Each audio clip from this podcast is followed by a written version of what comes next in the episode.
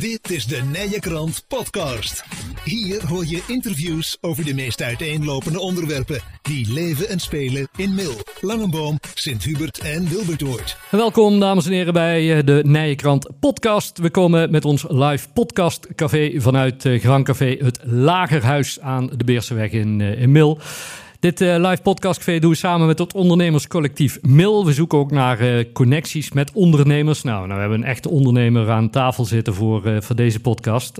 Randy van Tienen van Nicky Koffie en Automaten. Maar je bent ook voorzitter, Nicky, van de industriële kring Land van Kuik en de kop van Noord-Limburg, maar dan afdeling Mil. Ja, dat is een uh, hele mond vol. Dat past allemaal maar, niet uh, op één visitekaartje, denk nee, ik. Nee, nee, nee, nee. Gelukkig zijn er ook geen visitekaartjes voor gemaakt. Uh, alleen die van, van Nicky Koffie. Dus ja, ja, daar doe ik het mee. Um, ja, Nicky Koffie en Automaten.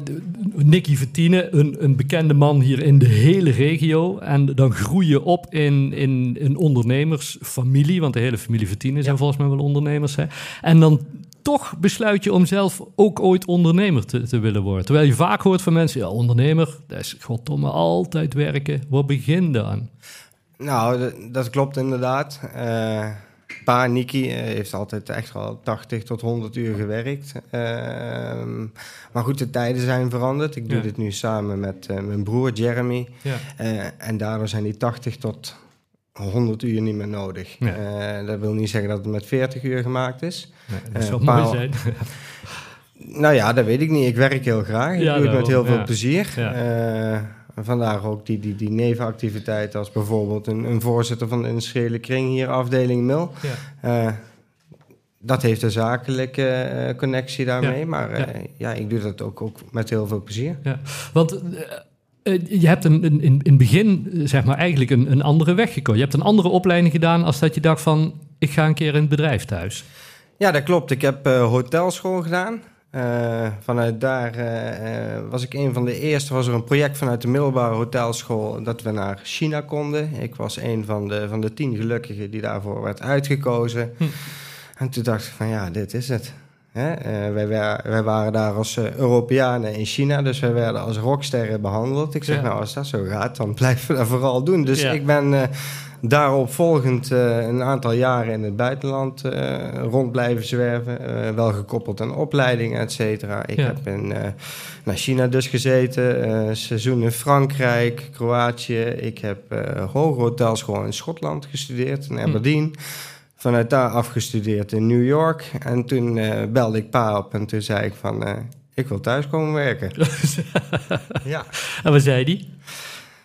Hij zei ja, dat komt goed uit, want ik heb eigenlijk wel iemand nodig. En toen zei ik, ja, ik ga eerst nog een jaartje Spaans studeren in Costa Rica. En toen zei hij, maar dan is het te laat, jongen. Dus het is wel nu of nooit.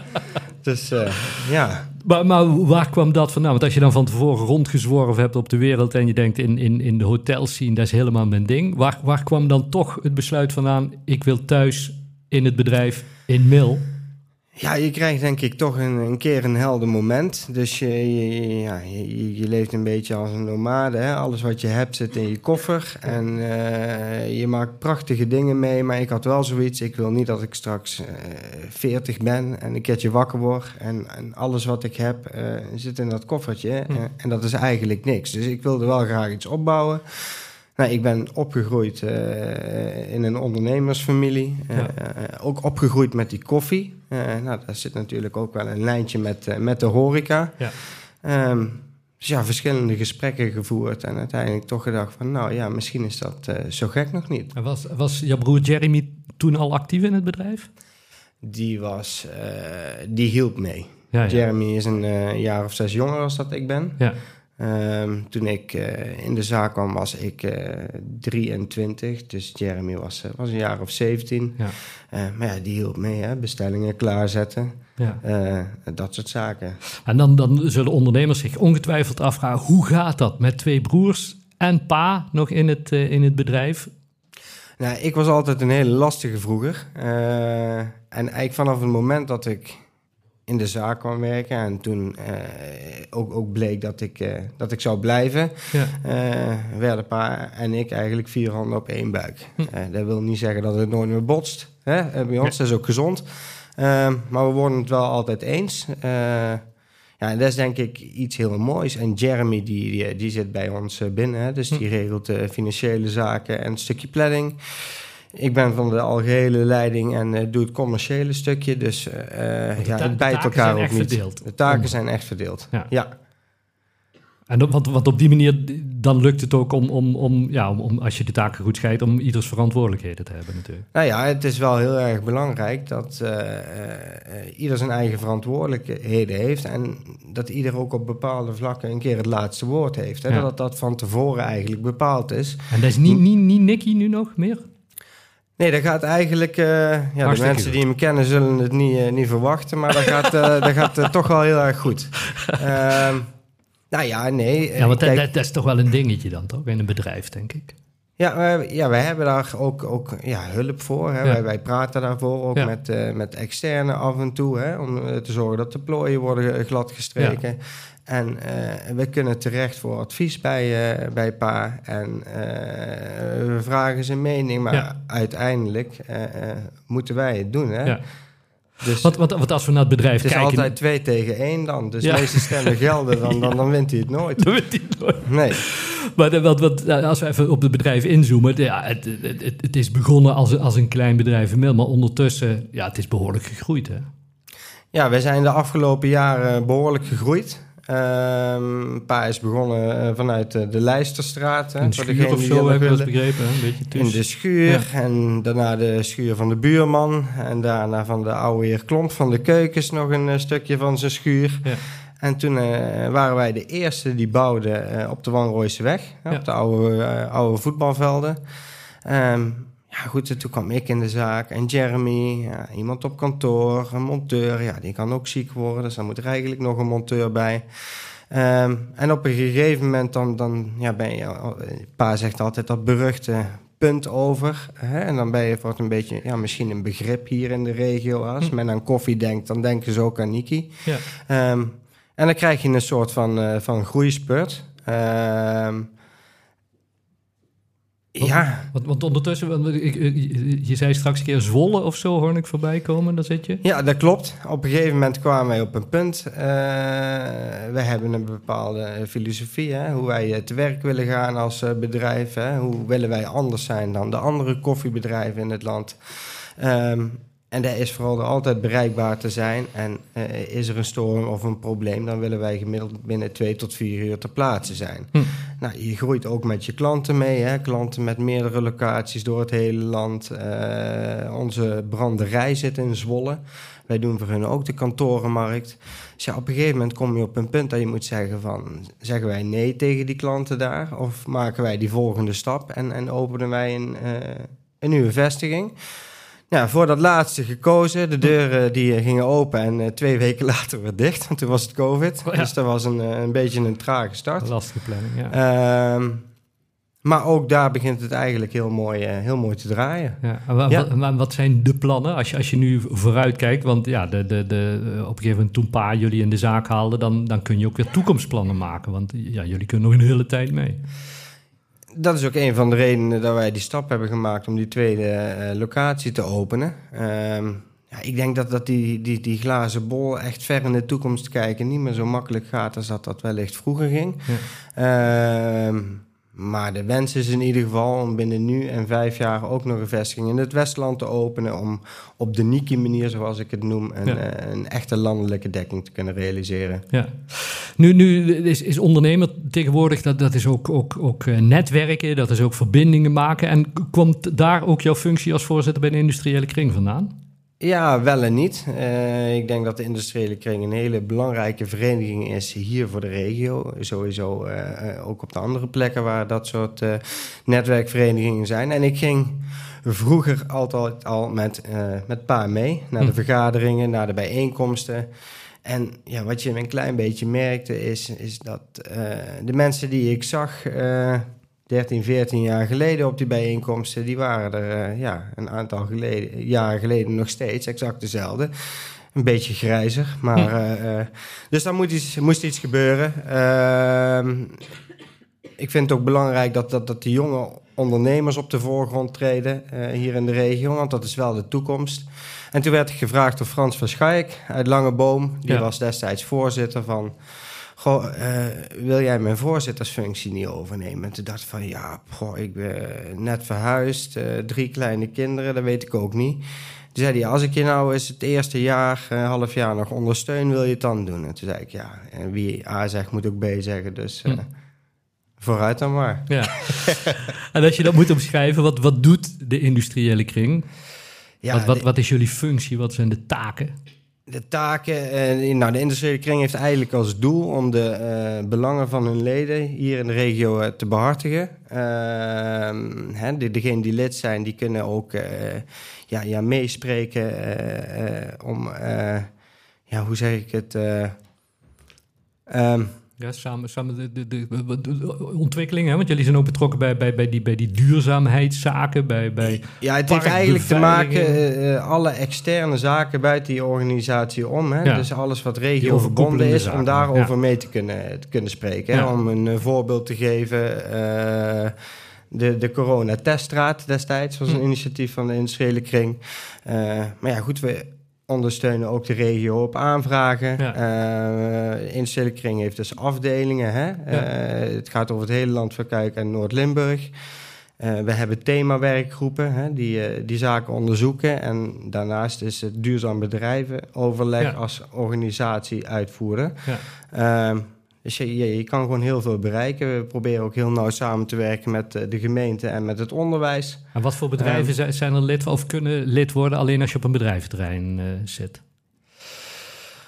het moet regiogebonden zijn. Uh, vroeger waren de regels wel heel strikt. Uh, het bedrijf moest x aantal werknemers bevatten, uh, zoveel omzet, et cetera, en ja. een bepaalde tak van sport. Ik, ik, denk dat het vooral belangrijk is dat, dat het leden zijn die samen iets voor de regio kunnen betekenen. dat er ook echt wat, wat gedaan kan worden. Ja. En ja, dus ja, op die manier werk, werk genoeg. En wat, wat mensen altijd leuk vinden, althans, dat, is een ervaring die, die vinden zelf altijd leuk als je bij een bedrijf komt om naar de, rond te lopen, kijken wat er allemaal uh, gebeurt. Maar dat, dat kan binnenkort hier in, in Mil op uh, bijna 20 adressen, geloof ik. Hè? Want er komt een open bedrijvenroute. Op bedrijvenroute. Uh, wil even zeggen dat iedereen bij ons altijd welkom is. voor de koffie. Ook, ook voor de koffie, die ja. staat altijd klaar. Ja. Uh, nee, die open bedrijvenroute, dat is een jaar of acht geleden is dat ook al eens uh, georganiseerd. Ja. Uh, was een, een groot succes. Je merkt toch dat, dat, dat, de bewoners een beetje een afstand voelen. Hè? Of dat er een drempeltje ligt om eens een keer een bedrijf naar binnen te, te stappen. Ja. Dat begrijp ik ook heel goed. Uh, dat is een van de redenen uh, van dit initiatief. Om de deur eens open te stellen voor, uh, voor iedereen die daar eens een keer een kijkje wil nemen. Ja, dus op zaterdag um, 15 april voor de mensen die het willen noteren. Ja. Um, bijna 20 bedrijven. In de Nijkrant doen we er uitgebreid verslag van van tevoren. Um, maar dan is er zo'n zo'n open bedrijvenroute. Wat, wat kunnen mensen dan, dan verwachten? Want je kunt echt bij bedrijven binnen, ja, waar je normaal gesproken, wat je zegt, niet binnenkomt nou ja, niet binnenkomt. Uh, niet ik denk dat, men, dat het er vooral in zit dat men niet zomaar binnenstapt. Ja. Terwijl, uh, hè, als ik praat over de industriële kring, wordt uh, mail een beetje gezien als een klik, hè, een hechte klik met elkaar. Hm. Ja, dat, dat is ook zo naar, naar de bewoners. Ik denk dat iedereen in principe overal welkom is. Maar de grote bedrijven, hè, je stapt niet zomaar een, een metaalbouwvloed naar binnen. Nee. Uh, of een Van der Horst, een bouwbedrijf. Ja, wat, wat heb je daar ja. op een normale dag ook te zoeken, denkt men dan. Ja. Um, dus het is dan fijn als, als, als mensen een keer eigenlijk worden uitgenodigd van... hé, hey, kom eens bij ons kijken. Ja. Dan wil ik nog even naar, naar, naar, naar jullie bedrijf, uh, Nicky Koffie. Want ik, ik, las in een van, van, van de um, verhalen op internet... van uh, koffie, dat is, dat is echt de verbindende factor op de bedrijven. En dan merken jullie aan de lijf als de koffieautomaat het eens een keer niet doet, geloof ik, hè? Ja, een koffieautomaat heeft eigenlijk nooit prioriteit, behalve als, uh, als je stuk is. ja. ja. Nee, geen werk is een probleem en geen koffie is een ramp, zeggen wij altijd. ja, en hoe, hoe, hoe, hoe, kan dat? Want het, is ook, het, het, zit ook in veel spreekwoorden en in veel dingen. Van, dat wordt morgen vroeg wel besproken bij de koffieautomaat. Waar, waar komt dat vandaan, joh? Nou ja, het is natuurlijk ook, ook een plekje waar mensen samenkomen. Hè. Eh, als men opstaat van, eh, van het bureau om een kopje koffie te halen... en een collega eh, komt eraan op de maandagochtend, wordt het weekend besproken... of je hebt een creatief idee, hè, wat, je, wat je bedenkt tijdens het, het, tappen van een kopje koffie. Ja. Dus het is ook een beetje een ontmoetingsplek. En wij merken ook heel erg dat bedrijven een pand met drie verdiepingen op één centrale verdieping bijvoorbeeld één of meerdere automaten neerzet die ook echt, echt die traffic willen uh, veroorzaken dat men elkaar daar tegenkomt en met elkaar in gesprek gaat. Ja. En moet ik ook zeggen dat wij hier in Nederland misschien wel een beetje een, uh, een verwende koffiecultuur hebben. Hè? Uh, men kan van alles kiezen. Hè? Koffie, cappuccino, warme chocomel. Op de meeste locaties ook nog gratis aangeboden ja, als je bijvoorbeeld verder weg in Duitsland ergens naartoe gaat zakelijk, dan verwachten ze dat je dat kopje koffie al gedronken hebt voordat je daar naar binnen stapt. Echt waar? Ja. Dat, dat is echt, echt, dat scheelt daar zoveel? Dat scheelt heel veel. Ik denk sowieso dat uh, ja, het is een hele andere cultuur, wijze van werken. verschillende soorten koffie tegenwoordig. Ik bedoel, vroeger hadden we gewoon koffie of niks. Maar nu hadden ik weet niet hoeveel soorten, toch? Ja, je hebt ontelbaar veel soorten. Huh. Hè? En mensen, uh, men drinkt thuis ook voort een, een, een steeds luxer kopje koffie. Hè? Uh, vraag maar in de rond. Bijna iedereen heeft wel een espresso, een Nespresso-machine, een Dolce Gusto, noem het maar op. Nou, dat willen ze dan op de werkvloer eigenlijk ook. Dus die oude automaat met oploskoffie, die is niet goed genoeg meer. Nee. Um, en, en, en dat is het ook. Als mensen gaan klagen over dat kopje koffie, wat eigenlijk ja, maar, maar, maar zoiets kleins is in een bedrijf, dat wordt groot als het, als het gewoon niet goed geregeld is. Wat is je eigen favoriet? Volgens mijn eigen favoriet, ja, ik drink eigenlijk alles. Nee, ja, wat, wat, wat, is mijn favoriet? Ik drink uh, s ochtends vroeg uh, uh, graag filterkoffie. En, en, en, na het eten s'avonds een, een lekkere sterke espresso. Dus dat is, ligt meer aan het moment als dat ik één vaste favoriet heb. Goed zo. Uh, Renny, hartstikke bedankt voor, voor het gesprek. Heel veel succes met Nicky Koffie en Automaten. Dankjewel. Um, ja, en zoals gezegd, als de groei er weer een volgend nieuwtje komt, dan, dan horen we het weer graag. Heel mooi, dankjewel. Goed zo, dankjewel. Um, nog even. Uh, ik zou het bijna vergeten, als er iemand is die nog iets te vragen heeft. Niet om koffie, niet om gratis koffie. Maar als er nog mensen zijn die, die denken van... Oh, nou zit Randy er, ik wil er nog iets van weten. Dan gaan wij... Uh, dat, dat kan het anders straks nog in stiekem. Hè? Niet zo'n lastige vraag als bij de burgemeester, nee. jongens. Wil je meer interviews horen? De Nijenkrant podcast is te vinden bij alle bekende podcastproviders en op www.inmail.nl.